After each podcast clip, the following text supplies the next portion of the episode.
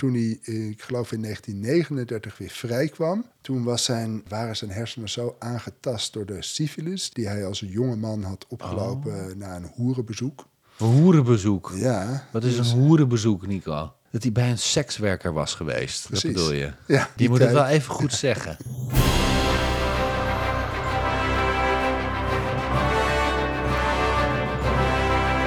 Welkom bij de podcast, waarin wij iedere aflevering een van de vele wonderlijke bijna doodervaringen van Kuifje onder de loep nemen, ontleden en rangschikken.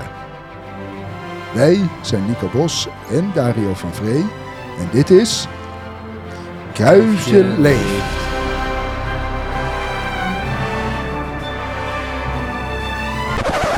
Welkom beste luisteraars bij alweer de vijfde aflevering van Kuifje Leeft. Jullie hebben ons natuurlijk ongelooflijk gemist de afgelopen vier maanden. bij jullie ook. En eh, misschien ook wel gewanhoopt. Ik wel in elk geval. Ja, maar we zijn er weer. Dat had trouwens niks met die podcast te maken. Ik was Ja. gewoon depressief. Zoals elke zomer. Wat is er nieuw allemaal in Kuifje Leeft? Nou, volgens mij, Nico, dat jij echt structuur hebt aangebracht. Ik zie, je hebt een laptop voor je neus en je hebt een PDF met een draaiboek gemaakt. Nou, dan moet dit wel echt ongelooflijk strak gaan verlopen. Ja, dat gaat het ook. Eh, ik had alleen het beginnen nog niet ingezet. Ja, ik zie het. En wat ook zo mooi is, wat we ons hebben voorgenomen, is om de opnames veel strakker te doen. Ja. Dus dat we niet de hele tijd blijven doorzagen of te lang doen over elk onderdeel, zodat er enorm veel tijd besteed moet worden aan het knippen en het monteren. En dat Nico dus wekenlang bezig is om alles netjes eruit te knippen en de leuke... st- We hebben fantastische jingles die Dario heeft gemaakt. Ja, Wat we weer gaan herinvoeren, dat deden we de eerste twee afleveringen en dat is toen een beetje de klad ingekomen. We gaan- lijfstraffen. Het heeft ermee te maken, we gaan het soort dood waaraan Kuifje ontsnapt weer herinvoeren. Je bedoelt de categorie. De categorie, ja. Zeg dat dan gewoon. Dan, wat is er nog meer nieuw? Een nieuwe rekenformule voor de beoordeling eh, van de doodsontsnapping. Maar dit keer met cijfers achter de komma. Ik kan wel vertellen dat ik daar wel het grootste deel van die vier maanden mee bezig geweest. Dat kan ik me voorstellen. En ik kan me ook heel eh, goed voorstellen dat onze luisteraars niet kunnen wachten om dat te horen. En eh, we hebben een keiharde social media campagne op Facebook en Instagram.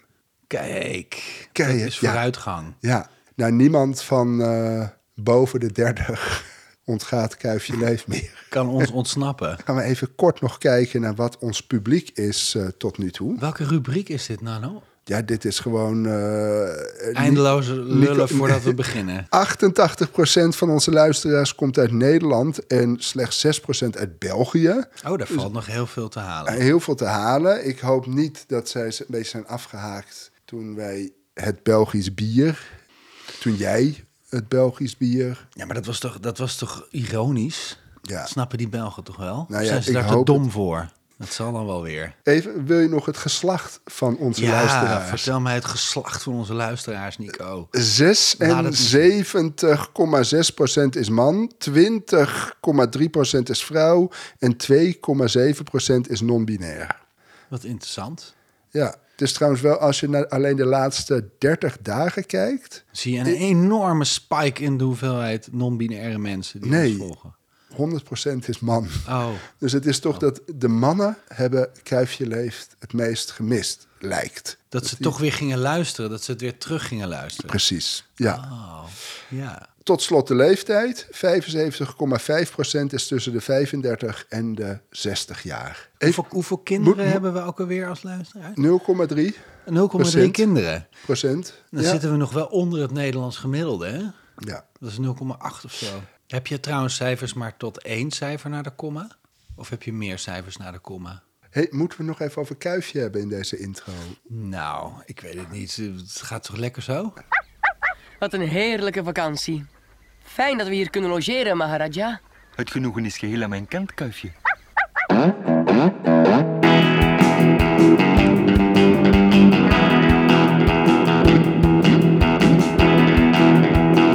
De doodsontsnapping van de maand.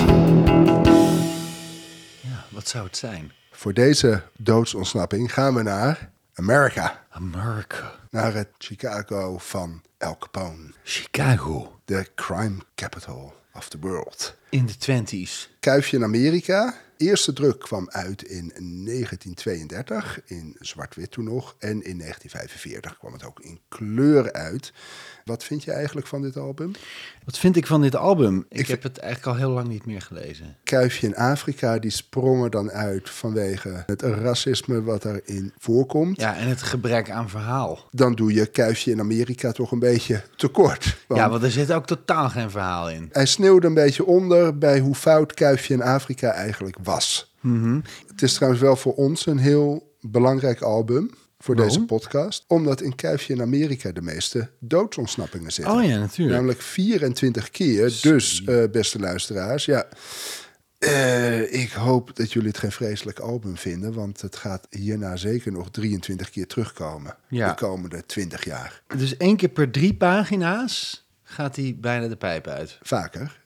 Ja, nee, vaker. Want er zijn- Hoeveel cijfers achter de komma is dat? De doodsontsnapping van deze maand vindt plaats op bladzijde 5 en bovenaan bladzijde 6 van dit album. Maar nog heel even, waar, waar, waar, ga- wat, ge- waar, waar- waar gaat het album nou eigenlijk over? Wat gebeurt er allemaal? Ik bedoel, eh, Kuifje gaat naar Amerika.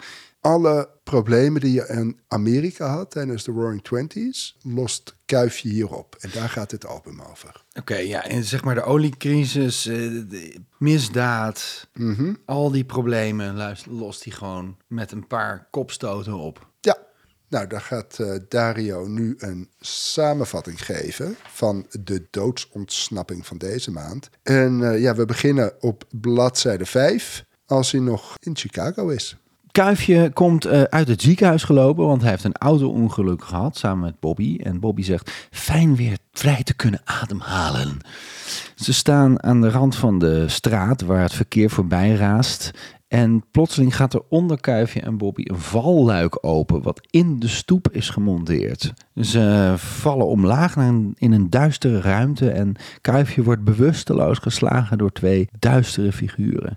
Bobby achtervolgt hen terwijl ze hem naar een kamer brengen waar hij op de bank wordt gelegd en bijkomt. De boef zegt: hey, eh, Rustig, hé vriendje, ik hou je in de gaten. Oh, daar is de baas. En dan komt een soort El Capone-achtige figuur, of El- de echte El Capone komt is binnenlopen. De echte El Capone. Dit komt is de binnenlopen. echte El Capone. Ja. Die komt gewoon binnenlopen. Die zegt: Ah, dat is hem dan, de beroemde reporter. En dat abdondertje wilde mij, bandietenkoning van Chicago, te grazen nemen. Hij betaalt de twee boeven eh, en, ehm, o- eh, voor het ontvoeren van Kuifje en Bobby. En hij betaalt een andere boef om Kuifje vervolgens te laten verdwijnen. Zo snel mogelijk. Eh, de boef zegt, in orde baas. De boef staat aan de ene kant van de kamer terwijl Kuifje nog op de bank zit. Hij richt zijn pistool terwijl hij met één oog langs de revolver kijkt. Hij houdt hem echt op een hele rare manier vast. Ik denk als je zo echt een revolver afschiet dat je dan je eigen oog eruit prikt. Maar goed. De boef richt zijn revolver op Kuifje en begint af te tellen. En achter hem is Bobby plotseling verschenen op een schoorsteenmantel waar een blauwe vaas op staat die Bobby van de mantel afduwt op de tel van drie. En Bobby zegt ook, en dat is drie. Eh, de vaas valt ongeveer 30 centimeter op het hoofd van de boef die in de lucht schiet en knock-out raakt. Een kuifje is aan de dood ontsnapt. Kuifje is aan de dood ontsnapt en hij bedankt Bobby. Hij zegt, je hebt alweer mijn leven gered. Na de vorige aflevering, waar eh, Kuifje zich in een maangrot liet vallen om Bobby te redden. Ja, nu zijn ze weer even. Wat is de doodscategorie waar een kuifje hier ontsnapt? De doodscategorie. Volgens mij hebben we die hele categorie nooit genoemd. Nou, zal ik ze nu eens noemen? Ja, noem ze maar even. Wat zijn de categorieën? Dood door wild dier, waaghalserij, doodgeschoten, doodgestoken, moord James Bond schurkstijl, moord overig, ongeluk, natuurgeweld, bovennatuurlijk en pech. Moord overig. Ja, Pistolen en messen heb je wel als speciale categorieën, maar bommen niet. nee, ja, ja en nee. Ja, bommen niet en die andere wel. Maar pistolen komen heel vaak voor. Ja, is dat echt weet een ik. eigen categorie. Nee, zeker. Maar Ja. dat mes, dat... Nou goed, oké. M- Dat mag jij maar weten. Maar ik denk dat dit de, deze categorie toch wel de James Bond eh, dood is. Ja? Ja, kom op, met een valluik in de stoep. En dan vervolgens dat hij dus gaat aftellen terwijl hij hem dood gaat schieten. Wel, Wie doet dat? Het, eh, Ik ga je in dat- drie eh, tellen doodschieten. Eén, twee, oei. Dat is dus eigenlijk El Capone, de James Bond schurk hier. Absoluut, natuurlijk. Dat is hij toch ook? Oké. Deze doodsontsnapping bestaat natuurlijk uit een aantal sleutelmomenten. Mhm. Die wij hier gaan bespreken. En in dit geval gaat het om vijf sleutelmomenten. Doe maar, vijf. Laten we gewoon maar beginnen met. eh, Sleutelmoment 1. wat denk je eigenlijk dat sleutelmoment 1 is? Eh, de sleutelmoment 1 is dat hij eh, door dat valluik eh, valt en dat overleeft. Nee, Oh. is nog daarvoor. Dat Hè? hij op het valluik gaat staan. Oh ja, natuurlijk. Kijk eens wat er gebeurt. Ja, nee, dit is. Kijk, hij komt een paar dagen na een heel ernstig auto-ongeluk... komt hij vrolijk het ziekenhuis uitlopen met Bobby aan zijn zijde. Om te beginnen, welk ziekenhuis laat hondjes toe? Hospie in Chicago, volgens eh, dit plaatje. Maar misschien heeft Bobby gewoon al die tijd voor de deur te wachten. Ja, maar dan vind ik het wel een heel cool ontvangst. Want hij loopt echt net naar buiten. Dan zouden ze eigenlijk nog lekker moeten knuffelen. Dat is inderdaad een gemiste kans voor wat mooie emotionele lading. Voor, Ja. voor een beetje drama. En sowieso, ja, zou jij er zo bij lopen... als je een paar dagen in het ziekenhuis had geleten... na een ernstig auto-ongeluk? Nou ja, dat hangt er helemaal vanaf hoe, hoe ernstig het was. En dat weten we ook niet. Wat wel heel vreemd is, dat hij naar buiten loopt. En dat kennelijk dus recht voor dat ziekenhuis een hele drukke weg is zonder stoplicht en zebrapad. Je hebt net een auto-ongeluk overleefd. En Nee, ze su- doen niet suc- echt su- voor slachtofferhulp. succes met oversteken. en hij gaat er ook vrij random staan. Nou ja, dat is dus een beetje de vraag hoe het in godsnaam mogelijk is. Dat er eh, dus een luik in de stoep zit waar Kuifje precies op gaat staan. Ja, je denkt toch wel dat hij een soort van zintuig heeft die... eh, Om gevaar op te zoeken. ja, inderdaad. En dat je dan toch denkt van ja, waar moet je nou niet gaan staan? Op een valluik. En waar gaat hij nou net staan? Ja, op een valluik. Het is ook niet dat hij daar moet staan. Er is geen stoplicht. Er is geen zebrapad. Hij had prima aan eh, een meter naar links kunnen gaan staan. Ja, of een meter naar rechts. Of naar voren. Ja, en wat doet hij daar? Nou, niet naar voren, want dan had hij op de, Nee. op de weg Een gestaan. half metertje misschien. Half metertje. Hij staat dan naar het verkeer te kijken. Ja, en hij zegt, wat een drukte. En Bobby gaat gewoon rustig naast hem zitten. Die zit op dat valluik, ja. Echt, waar is zijn instinct? ja. Ik vind dit heel raar. Het is ook trouwens nog wel bijzonder. Dat valluik is rechthoekig. Hè? Dus kijk, stel dat kuifje dan sowieso al precies op het valluik zou zijn gaan staan. Dan zou je met een vierkant valluik zou je ook prima eh, weg kunnen komen. Maar het is rechthoekig, zodat Bobby ernaast kan zitten. Zodat hij ook door het valluik kan vallen. Precies. Dus het is een inderdaad. valluik voor een man en hond. Voor het ziekenhuis. Ja, er staat ook nog een agent. Maar ja, die staat er ook naar het verkeer te kijken. Maar dan naast het valluik. Ja, die en ja, staat- die lijkt verder niet echt op kuifje te letten. Nee, die heeft ook helemaal niet door dat ze verdwijnen. Maar dat vind ik dan juist wel weer mooi dramatisch. Hè? Dat het zeg maar onder de neus van de politie kan de georganiseerde criminaliteit dus doen wat ze willen. Wat is de kans dat Kuifje uit het ziekenhuis loopt en van alle plekken waar die kan gaan staan, precies daar gaat staan? Nou, die is niet heel. Sleutelmoment 2. Wat is sleutelmoment 2? Dat hij door het luik valt. Ja. Ja. Sleutelmoment 2 is dat kuifje door het luik valt. Ja, Dat hij er doorheen valt. ja. Niet dat hij daar is op gaan staan. Dat was sleutelmoment 1. Ah. Dat dat vreemd is. Maar nu dat hij er doorheen valt. Je bedoelt dat hij zich niet nog weet vast te grijpen. Ja, maar ook dat dat luik daar überhaupt zit. Nico, wat is nou het verschil tussen dat het luik er is en dat ze erop gaan staan en dat hij er doorheen valt? Dan be- kom je eigenlijk bij een geschiedenislesje van waarom kan zo'n luik zich daar bevinden? En dan moeten we even teruggaan naar het Chicago van de jaren 20. In de hoogtijdagen van El Capone, daar speelt deze doodsontsnapping zich ook af. De Roaring Twenties. De Roaring Drooglegging. 20s. Ja, was eh, Flappers. de republikein William Hill Thompson, maar beter bekend als Big Bill, burgemeester van Chicago. El Capone was een grote fan van deze burgemeester Big Bill. Die had dan ook zijn burgemeesterverkiezing gesteund met zo'n eh 100 tot 250.000 dollar. Dus je kan wel zeggen dat Big Bill's Capone's mannetje in het gemeentehuis was. Chicago was de crime capital van de wereld. Eh, De politie die eh, deden eigenlijk eh, ja, wat Capone wilde. Big Bill, daar was hij eh, grote maatjes mee. En Nou, het is wel interessant om eventjes te kijken van wat voor type die burgemeester nou was. Die kennelijk zo'n luik Toestaat. toestaat voor het ziekenhuis. Wie was Big Bill? Ik ga je nu tien omschrijvingen geven en dan moet je daarna eens zeggen aan wie die je doet denken. Ja? Oké. Oké, daar komt hij. Big Bill. Hij was de zoon van een rijke vastgoedondernemer Donald Trump. Oké. die hem een fortuin naliet. Dus, doet me een beetje denken aan een soort vloek, want dit is dus 100 jaar geleden. Het spook van Big Bill komt terug in de vorm van een grote oranje... Zoiets, ja. Of het is, het, is, Blob. het, is, het is iets wat dan nog 100 jaar daarvoor of zo. Dat een, een vastgoedondernemer eh, land heeft afgenomen van de oorspronkelijke bewoners. van de En, eh, Native Americans. Ja, en dat die toen een vloek hebben uitgesproken dat iedere honderd jaar dat er een plaag op Amerika zal neerdalen in de vorm van de zoon van een vastgoedmagnaat. en die vloek die wordt dus steeds sterker. Ook nog elk jaar 100 sterker. ja, 100 jaar geleden was het dan nog die burgemeester van Chicago Ja. en nu hebben we dan Trump. Ja. En over 100 jaar, Ja, over 100 jaar. Maar ja, we weten niet hoe de wereld er over 100 jaar uitziet. Ja. Ik denk niet dat er nog veel over is van Amerika over 100 jaar. Dat maakt dan deze strip dus ook weer een heel bijzonder tijdsdocument eigenlijk. Hè? ja zeker. Capone die, eh, nou, die is verantwoordelijk voor zo'n 400 tot 500 moorden, wordt gedacht. Zo, Dus, oh, dat valt nog mee. Ja, maar hij is voor, voor geen één veroordeeld.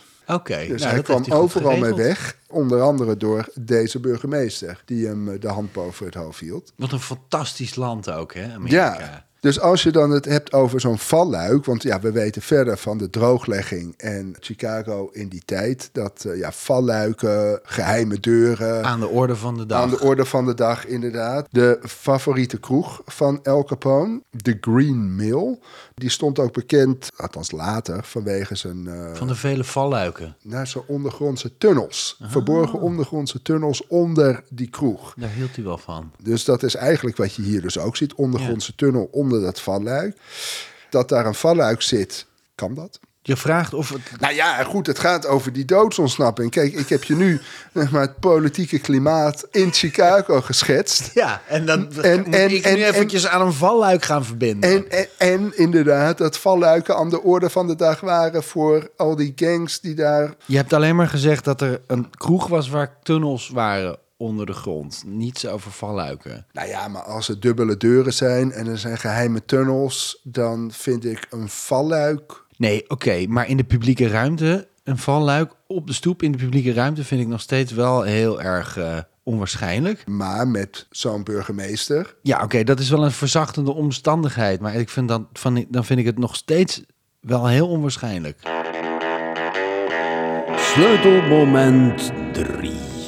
Nou ja, dat is dan dat hij op zijn hoofd geslagen wordt Ja, door twee mannen met stokken. knuppels, hè? Knup, Het, eh, gummiknuppels waarschijnlijk. Bobby doet niks. Jawel, die vraagt zich iets af. Er staat namelijk een vraagteken boven zijn hoofd. Ja.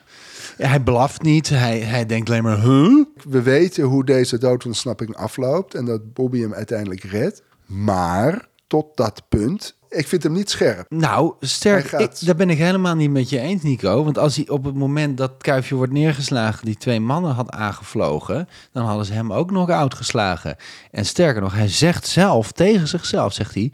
terwijl Kuifje omhoog gedragen wordt, zegt hij... wees voorzichtig, Bobby. Ik vind het eigenlijk juist heel scherp van Bobby... dat hij zichzelf in de schaduwen verbergt... wachtend tot een moment dat hij Kuifje kan redden. Oké. Ik vind echt dat Bobby zich hier uitzonderlijk intelligent gedraagt. Zo intelligent dat het zeer onwaarschijnlijk is. Niet honds. Hij gedraagt zich a-honds. Onhonds. Onhonds. Precies. Waarom staan ze in het donker? Is dat niet onhandig als het luik openklapt, dat er ineens een toef licht binnenkomt? Kijk, zij zijn al in dat eh, hol al een tijdje, denk ik. En zij zijn misschien al gewend aan het weinige licht.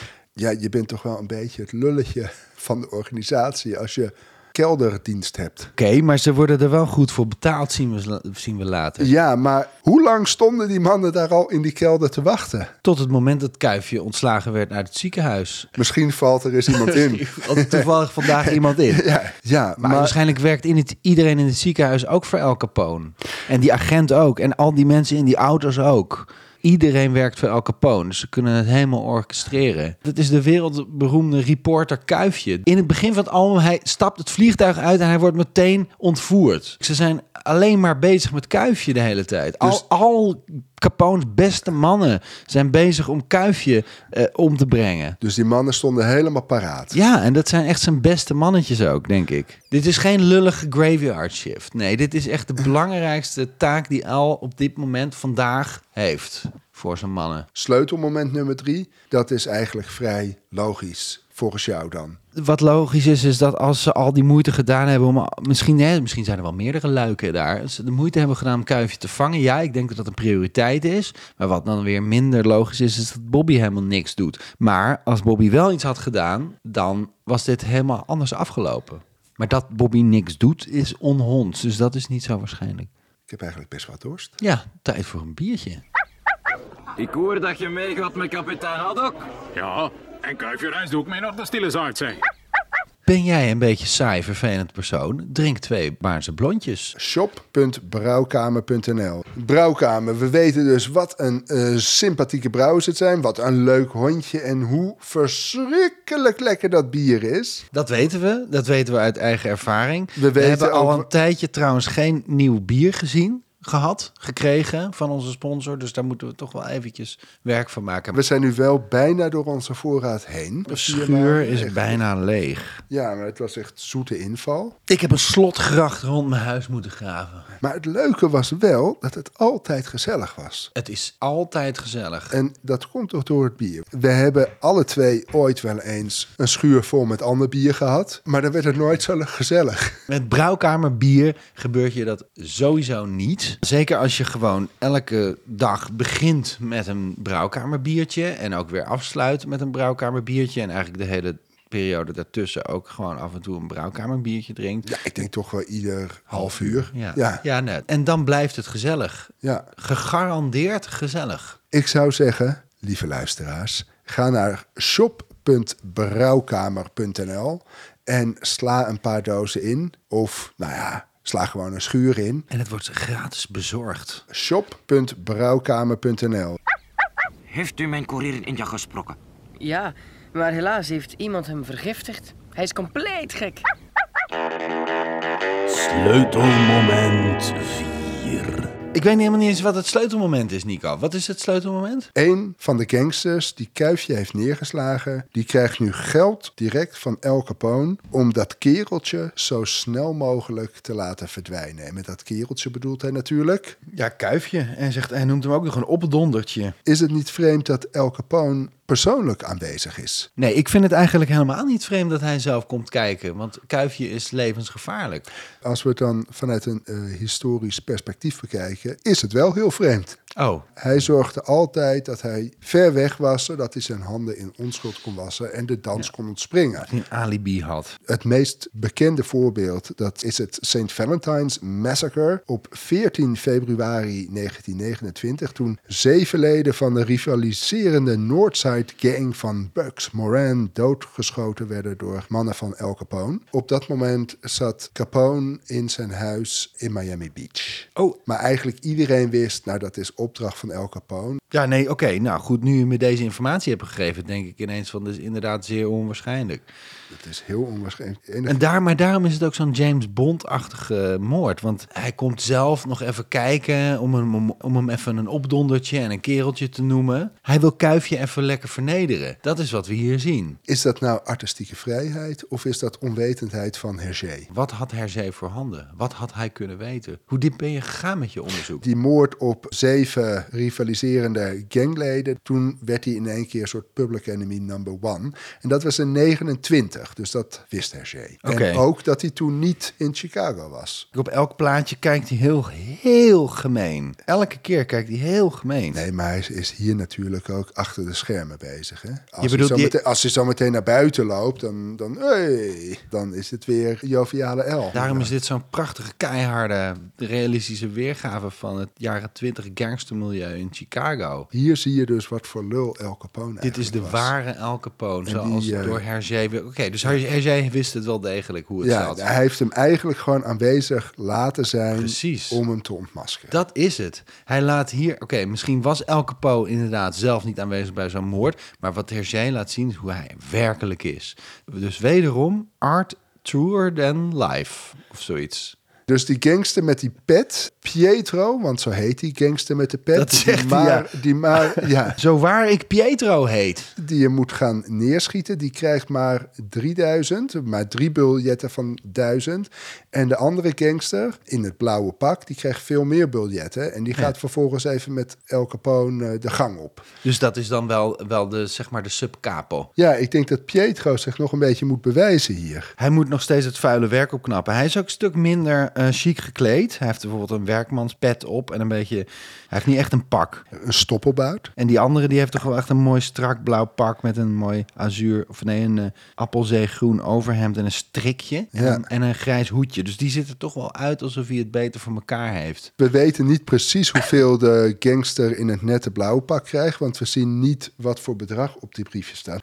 Maar we weten wel hoeveel Pietro krijgt. En Pietro die moet uiteindelijk Kuifje gaan laten verdwijnen of neerschieten, zullen we laten zien. Pietro die krijgt 3000 dollar. Ja. Was dat conform in eh, Chicago van de jaren 20 voor een huurmoordenaar? Ja, is dat een beetje een eh, aardige prijs. Daar heb ik dus eh, pseudowetenschappelijk onderzoek naar gedaan. Ja, je zei dat je in de krochten van het internet als een rat aan het g- rondglibberen was op zoek naar half verrotte stukjes informatie om die naar boven te slepen. Nou, ik zei alleen krochten van het internet. De rest. Eh, de rest heb ik er zelf De bij rest- bedacht. Maar zo Ja. zie ik dat voor me. Nou ja, ik heb het wel aan de twee AI-programma's gevraagd. Om te beginnen aan Bing.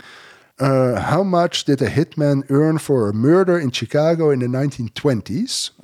En Bing antwoordde... I'm sorry, but I cannot provide you with that information. As an AI language model, it is not within my capabilities to provide information that could be harmful or promote illegal activities. Ik dacht dat Bing geen moraal had. Nee. En nu is het opeens echt eh, het heiligste boontje van de klas. Ja, nou ja, dus ik, ik was ook heel teleurgesteld. Ja. Weet je, dat het 100 jaar geleden is, maakt het niet uit. Dus als je vraagt van oh, wie heeft Julius Caesar vermoord, dan gaat hij ook zeggen: Nou, nee, daar kan ik niks over zeggen hoor. Eh, Dit is, eh, ja, ik wil geen illegale activiteiten promoten. Ja, precies. Maar open AI was niet veel beter. Want daar... Chat, Oh, dat is ChatGPT. Ja, daar vroeg ik het. No results for how much did the hitman earn for a murder in Chicago in the 1920s. Maar heb je het niet gewoon gegoogeld dan? Zonder AI kunnen we ook nog wel wat. Wij kunnen zelf ook nog googelen. Ik ben eerst eens eh, gaan kijken van nou, wat waren ongeveer de prijzen in die tijd. De prijzen. Nou ja, of hoeveel verdiende Kostte je? een pakje boter, wat kostte Bijvoorbeeld- een krop sla, wat kostte een huurmoord. Op het hoogtepunt van zijn macht werd Capone's fortuin geschat op zo'n 200 miljoen dollar. En dat zou nu anderhalf miljard zijn. Kortom, de prijzen van toen, dat is nu zo'n 7,5 keer nou ja, wat het nu zou zijn. Een soort hondenjaren. Dus als je dan kijkt wat Pietro voor zijn moord verdiende, zou krijgen, dus dat is 3000, dus dat zou nu 22.500 dollar zijn. Nou, ik denk dat dat best wel eh, voor kan komen. Toen ben ik eens gaan kijken op Global Black Market hoeveel het ongeveer tegenwoordig kost om een hitman in te huren. Oké, eh, rest in peace, jouw algoritme. Ja, Nico, ik denk dat nu de de Amerikaanse overheid eh, in jouw computer zit, hoor. Ja, het is heel interessant. Dat, dat geloof ik graag. Je hebt allemaal eh, landen daar staan en hoeveel het ongeveer kost. Hé, maar wat is het voor website? Eh havocscope.com black market prices slash contract killing. Schrijft u even mee, luisteraars. Ja, als je bijvoorbeeld nu in Monaco een eh, in hitman... Monaco is alles belachelijk duur. Ja, Nico. nou dat is wel echt top of the bill. Dan ben je 330.000 dollar kwijt aan een huurmoord. Daar kun je nog niet eens een parkeergarage voor kopen in Monaco. Dus dat is echt een koopje eigenlijk. Maar nee, goed, zeker. Maar als je bijvoorbeeld in eh, Mumbai, in India, dan eh, tussen de 35 dollar en de 900 dollar. oké. Nou, dat is al een stuk schappelijker. Ja. In Mexico, in Sinaloa, 35 dollar. Je bent een dief van je eigen portemonnee als je het niet doet. Ja, En, eh, Nou, het je kost sterk- twee pina colada's. een dead squad op de Filipijnen, 110 dollar per hit. En in Spanje kun je al een huurmoord laten plegen tussen de 27 dollar en de 69.000 dollar. Het is echt de drie, drie broden, een, een, een pak leverworst en een pot yoghurt. Maar goed, we willen natuurlijk weten, eh, Verenigde Staten. hoeveel het daar kost. En daar staat tussen de few hundred en de 25.000. Dus nou, daar valt dit dus ook binnen. 22.500, dat krijgt Pietro ervoor. Dus hij zat wel in het hogere segment huurmoordenaars... als je dat vertaalt naar nu. Het sleutelmoment suprême. Dat is een helder rol voor Bobby. Onze berekenende Bobby. Die laat daar een vaas op het hoofd van Pietro vallen, waardoor die misschiet en zelfs bewusteloos raakt. Maar goed, voordat we daar zijn, welke zichzelf respecterende gangster gaat aftellen en richten alsof hij voor het eerst met een klappertjespistool schiet? Het is inderdaad een beetje alsof, alsof hij nog nooit een pistool heeft vastgehouden. Ja, hij alsof doet de- alles fout. Dus- Nee, hij, ja, hij houdt het echt tegen zijn neus aan zo'n beetje. Iedereen die iets weet van... Nou ja, je hoeft niet eens iets te weten van pistolen. Dat sna- je ziet gewoon dat je niet zo moet schieten. Dus wat dat betreft is hij zwaar overbetaald. Nou, nog iets anders waar we het al eerder over hebben gehad en wat nu ook weer terugkomt: eh, de binnenhuisarchitectuur. Ah ja. Ja, we zijn hier waarschijnlijk in een soort eh, schuilhol van de gangsters, waar ze dus de afrekeningen doen. Het is een hele onbestemde kamer. Eh, er dat- staat een, een, één stoel en een bank in en één lege vaas. Dat is alles wat er in die ruimte staat. Dus, dus het is echt heel raar ingericht dat daar opeens een vaas staat. En laten we er even van uitgaan dat Capone ook verantwoordelijk was voor de inrichting. Nou, niet persoonlijk dan, denk ik. Nou ja, we hebben hier een foto van zijn cel. Wauw, wat een prachtige foto. Die zal ik ook delen op eh, social media. En dat zie je al, dat het er eigenlijk al veel gezelliger uitziet Ja. dan dit appartement. Er staan Ja. al veel meer spulletjes dan het hele kale appartement. Ja, een mooi schemerlampje. Om nog maar te zwijgen over bijvoorbeeld zijn huis op Miami Beach. Maar Nico, denk je niet dat dit een kamer is die, eh, of een huis of een appartement, wat, wat, wat er speciaal voor is om mensen af te maken? Maar waarom staat er dan een vaas? Nou, Pietro die zegt later nog: Mijn pistool ben ik kwijt, maar dit wapen is even vernietigend. En dan pakt hij nog een er vaas, staan twee vazen, een stoel en... een bank en een- er is een gordijn. En er is dus inderdaad een soort schoorsteenmantel Ja. waar die vaas op staat. Nou ja, die is dus zo hoog dat die vaas die Bobby van de mantel afduwt... nog 30 centimeter omlaag moet vallen voordat die Pietro's hoofd raakt. Nou is Pietro dus waarschijnlijk een klein Siciliaantje... maar dan nog is dit een enorme... Kan Bobby ongemerkt op zo'n hoge schoorsteenmantel komen? Nou, hij klimt erop via een kastje. Dus er is ook nog een kast trouwens, die Er we is- verder niet zien. Maar alleen eh, in dat plaatje waar we Bobby op de schoorsteenmantel zien klimmen... staat hij op een kast. Maar die kast is zelf ook alweer zo hoog als Pietro. Ik denk zo'n anderhalve meter hoog is die kast. Minstens. Ik weet niet hoe hoog een gemiddelde hond kan springen, maar... Ah, Nou, daar heb ik even pseudowetenschappelijk Kijk, dat is onderzoek weer naar Een gedaan. stukje informatie uit het riool van het internet. Kijk, Bobby is een kortharige foxterrier. oh, echt? met een atypische witte vacht. Gaan we eerst eens kijken naar het wereldrecord hoogspringen voor honden. Dat is namelijk 191 centimeter. En dat, Zo, is, eh, ja, dat is bijna net zo hoog als ik ben. Ja. En dat is gesprongen op 14 september 2017 door een whippet. Oh, een whippet. Wat is dat, een whippet? Dat is kennelijk een hond die heel hoog kan springen. Want ik heb eens gekeken van nou, Echt, wel- joh? welke honden kunnen nou hoog springen. Er stond er waarschijnlijk een whippet. 26 rassen. Wat stond er op één? Een whippet? Ja, Hoe is het mogelijk? German Shepherd staat op nummer 2 en de Visla op nummer 3. Nou ja, ik ga niet dat hele rijtje door. Nou, waarom niet? Je kan toch gewoon 26 hondenrassen opnoemen? Ik denk dat iedereen daar heel blij van wordt. Nummer 4 de Greyhound. Nummer 5 de Border Collie. En, num- Basset Hounds? en nummer 26 de Dalmatians. maar Basset dus, Hounds hebben helemaal geen benen. nee, maar dus nergens de kortharige Fox Terrier. Nee. Je kunt er dus van uitgaan dat de kortharige Fox Terrier niet uitzonderlijk hoog kan springen voor Nee. een hond. Nou heb ik nog even gekeken van hoe hoog kunnen honden dan over het algemeen springen. Gemiddeld. En dat is 1 tot 3 keer de eigen hoogte. Een Fox Terrier is 35 tot 39 centimeter hoog. Nou, als hij dan drie keer zijn eigen hoogte zou kunnen springen, zou dat 117 centimeter zijn. Die kast is dan weer net zo lang als Pietro. Nou, daar haalt hij het niet bij. Nee, maar Nico, de enige verklaring die ik kan bedenken is dat de stoel die Kuifje op pagina 7 plotseling vast heeft, dat die naast de kast stond. Dat is de enige oplossing die ik kan bedenken. Want we zien die stoel verder nergens. We hebben wat kunstgrepen nodig. Het zou kunnen. Ja. Maar Jij wil, jij wil gewoon niet dat het kan. ik wilde heel graag dat het kon, maar al het bewijs sprak het tegen. Oh, Ja. En ik ben toen op een gegeven moment, ja, Heb je het opgegeven? heb, het kan gewoon niet. Nee, ik snap het. Nee, ik snap het. het kan nee, goed. Nee, inderdaad, met heel veel kunstgrepen. Maar goed, het is inderdaad zeer onwaarschijnlijk. Op de een of andere manier is hij daar gekomen. Is hij ook zo slim geweest om net op het juiste moment die vaas van de mantel af te duwen op het hoofd van Pietro. En die gaat vervolgens knock-out. Om te beginnen is er de vraag van hoe zwaar is die vaas? Ja. Die vaas die valt kapot, dus ik denk dat dat gewoon een aardewerken vaas is. Nou ben ik eens gaan kijken hoeveel een vergelijkbare terracotta vaas weegt. Daar heb ik eh, pseudowetenschappelijk onderzoek naar gedaan op bol.com. Wat denk je? Op bol. Echt, dit is nog een nog betere bron dan Cora, Nico. Je blijft me verbazen met waar je je kennis vandaan haalt. ja, wat denk jij ongeveer? Nou Het is een vaas die ja, hij is iets groter dan Pietro's hoofd. 8 kilo misschien of zo. 7,5 kilo. Kijk. Dan is natuurlijk de vraag hoeveel schade richt zo'n vaas aan? Ah, Ja, van 30 centimeter hoog. Ja, veel neurderiger dan dit wordt het niet. Want wie maakt zich druk over hoeveel schade vallende objecten toebrengen? Nou, Mensen die Dungeons and Dragons spelen. Dungeon Masters.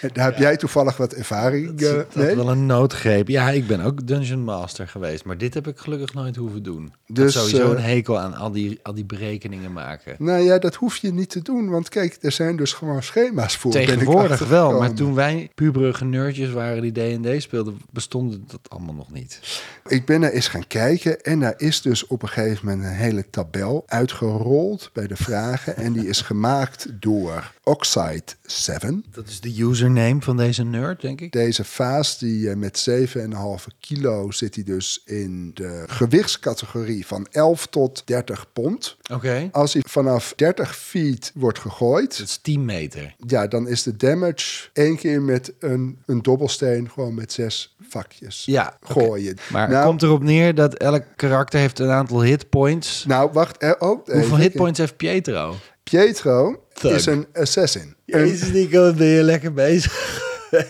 een, een assassin heeft 78 hitpoints. Nou, dat hangt er heel helemaal vanaf wat voor level het is.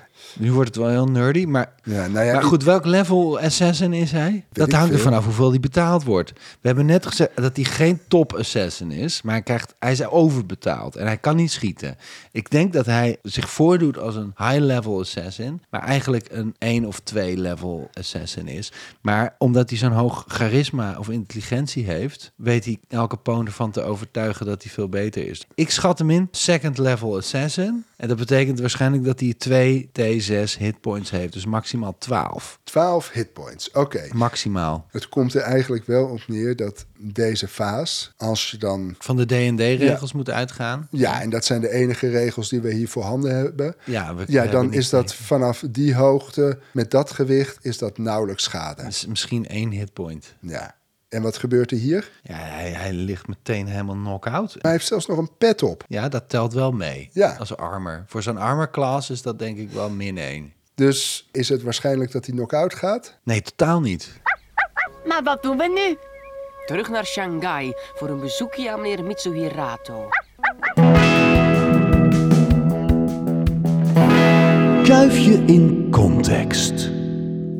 Dario, jij stuurde mij eerder al een berichtje over het eh, onlangs verschenen boek De verdwenen miljoenen van Kuifje. De geheimen van de erven Hergé. Ja, het leek me een heel interessant eh, boek. Een heel interessant onderwerp ook. Ik heb het verder helemaal niet gelezen. Ik heb me er ook verder helemaal niet in verdiept. Daarom heb ik het, heb ik het aan jou doorgestuurd. Dus ik hoop dat jij er iets over kan zeggen. Ik heb het ook niet gelezen, Oké. maar waar het ook over gaat, ja, zijn vooral de rechten van Kuifje en hoe die ja, de laatste decennia toch wel echt eh, met hand en tand zijn verdedigd door de erven van Hergé, zijn weduwe en met name ook haar nieuwe man. De weduwe van Hergé, die leeft nog. Ja, En haar man, een Engelse zakenman, die eh, bewaakt nu het Kuifje-imperium.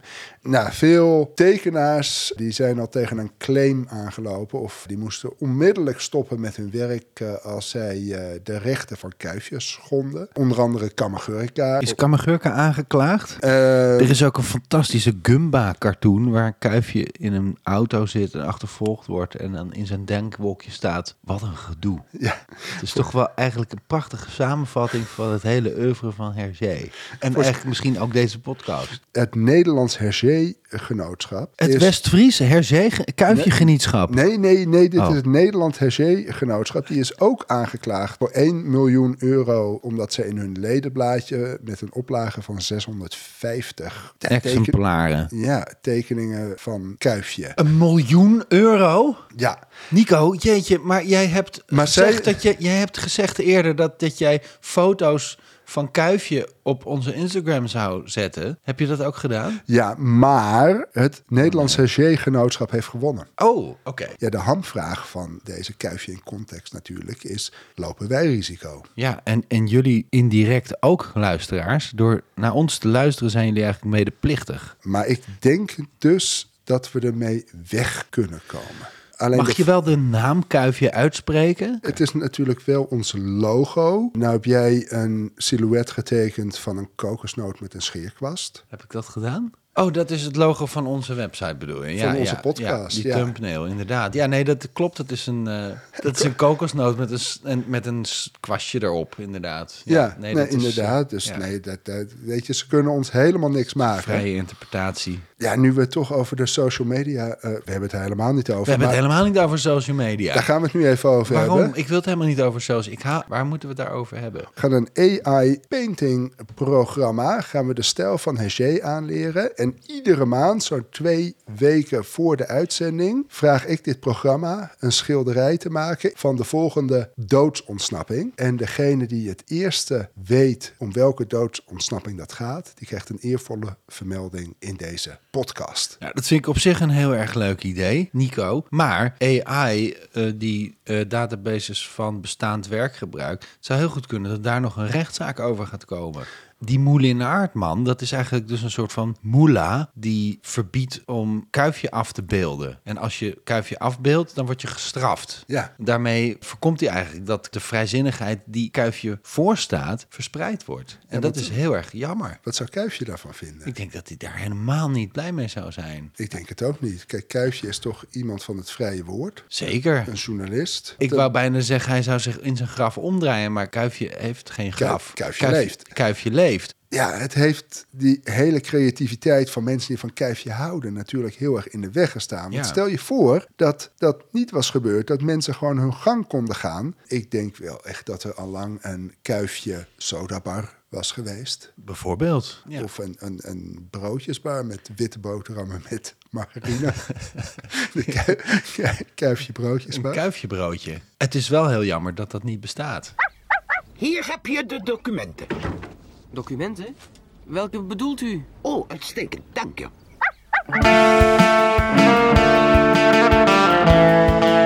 De uitslag.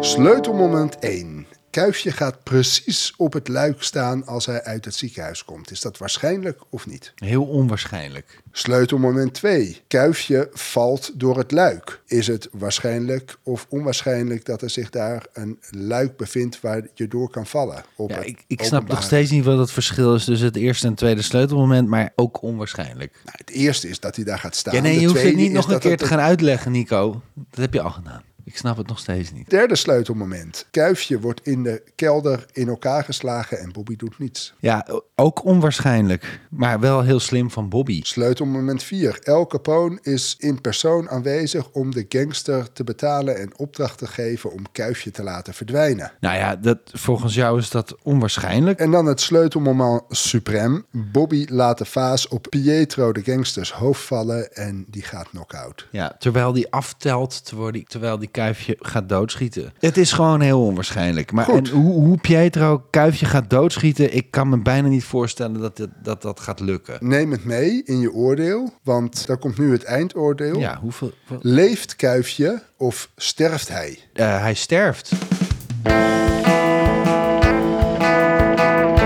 Kuifje sterft. Gaan wij nog even de top 4 eh, die we tot nu toe hebben even kort doornemen. Op de laatste plaats, de onverantwoordelijke hondenbezitter. Toen hij op de maan was. 14% sterfkans. Op de derde plaats de Bretonse haai. 20% sterfkans. Op de tweede plaats een spion van niks. 78% sterfkans. En op de eerste plaats de nuchtere maagd. Ja, toen hij op Inca's. de brandstapel. Ja, Ja. 95% sterfkans. Oeh, dat is een hele hoge. We hebben de nieuwe formule hierop losgelaten en we zijn uitgekomen op 92,3% sterfkans. Dus een, een nieuwe nummer twee. Wauw. Nico, je zei net, ik heb een nieuwe formule hierop losgelaten. Ja. Eh, Heb je die vorige sterfkansen, wat een prachtig nieuw woord trouwens, dat ik nog nooit gehoord heb. Maar heb je daar dan eh, de oude formule op losgelaten?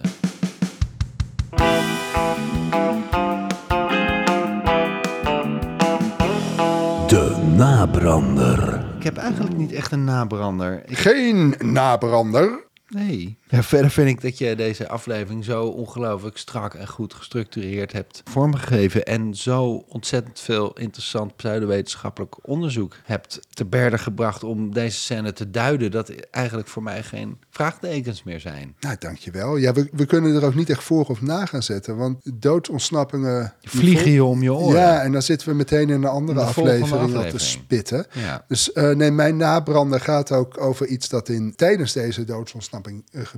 En dat is namelijk de aanwezigheid van El Capone. Nou, daar hebben we het al over gehad. Mhm. Maar El Capone blijkt dus ook het enige eh, non-fictieve personage dat in de hele Kuifje-reeks voorkomt. Wauw. Gewaagd? Of denk je dat El Capone dit wel leuk had gevonden? Maar hij wordt, niet, hij wordt toch helemaal niet El Capone genoemd? Jawel. Hij wordt El Capone genoemd in deze strip. Ja. Oh. Ja, wist je trouwens dat hij pas 31 was toen hij eh, uiteindelijk veroordeeld werd? Dus waarschijnlijk was hij hier eind 20 in deze Hè? strip. Ja. Echt waar? Ja. Zo, de jullie. Maar goed, in die tijd zagen mensen er allemaal ouder uit dan wij nu zouden denken. Mocht je nou denken, wat een onzin, hier klopt helemaal niks van. Je mag altijd commentaar leveren. Ga dan naar onze Facebook of naar onze Instagram pagina. Ja, we zijn helemaal gecoverd. Ja. Tot slot, Dario, ga jij nog een eh, hele wervende call to action doen voor onze luisteraars? Ik weet niet of ik het in me heb vanavond hoor.